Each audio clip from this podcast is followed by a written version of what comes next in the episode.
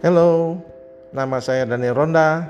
Saya membuat podcast Leadership Wisdom with Daniel Ronda, hikmat kepemimpinan bersama Daniel Ronda. Isinya podcast ini berisi tentang isu-isu di sekitar kepemimpinan gereja, pengembalaan, dan juga bagaimana respon gereja terhadap situasi yang ada di sekitar kita, baik ketidakadilan, kemiskinan, rasisme, dan semua isu-isu yang ada di Indonesia.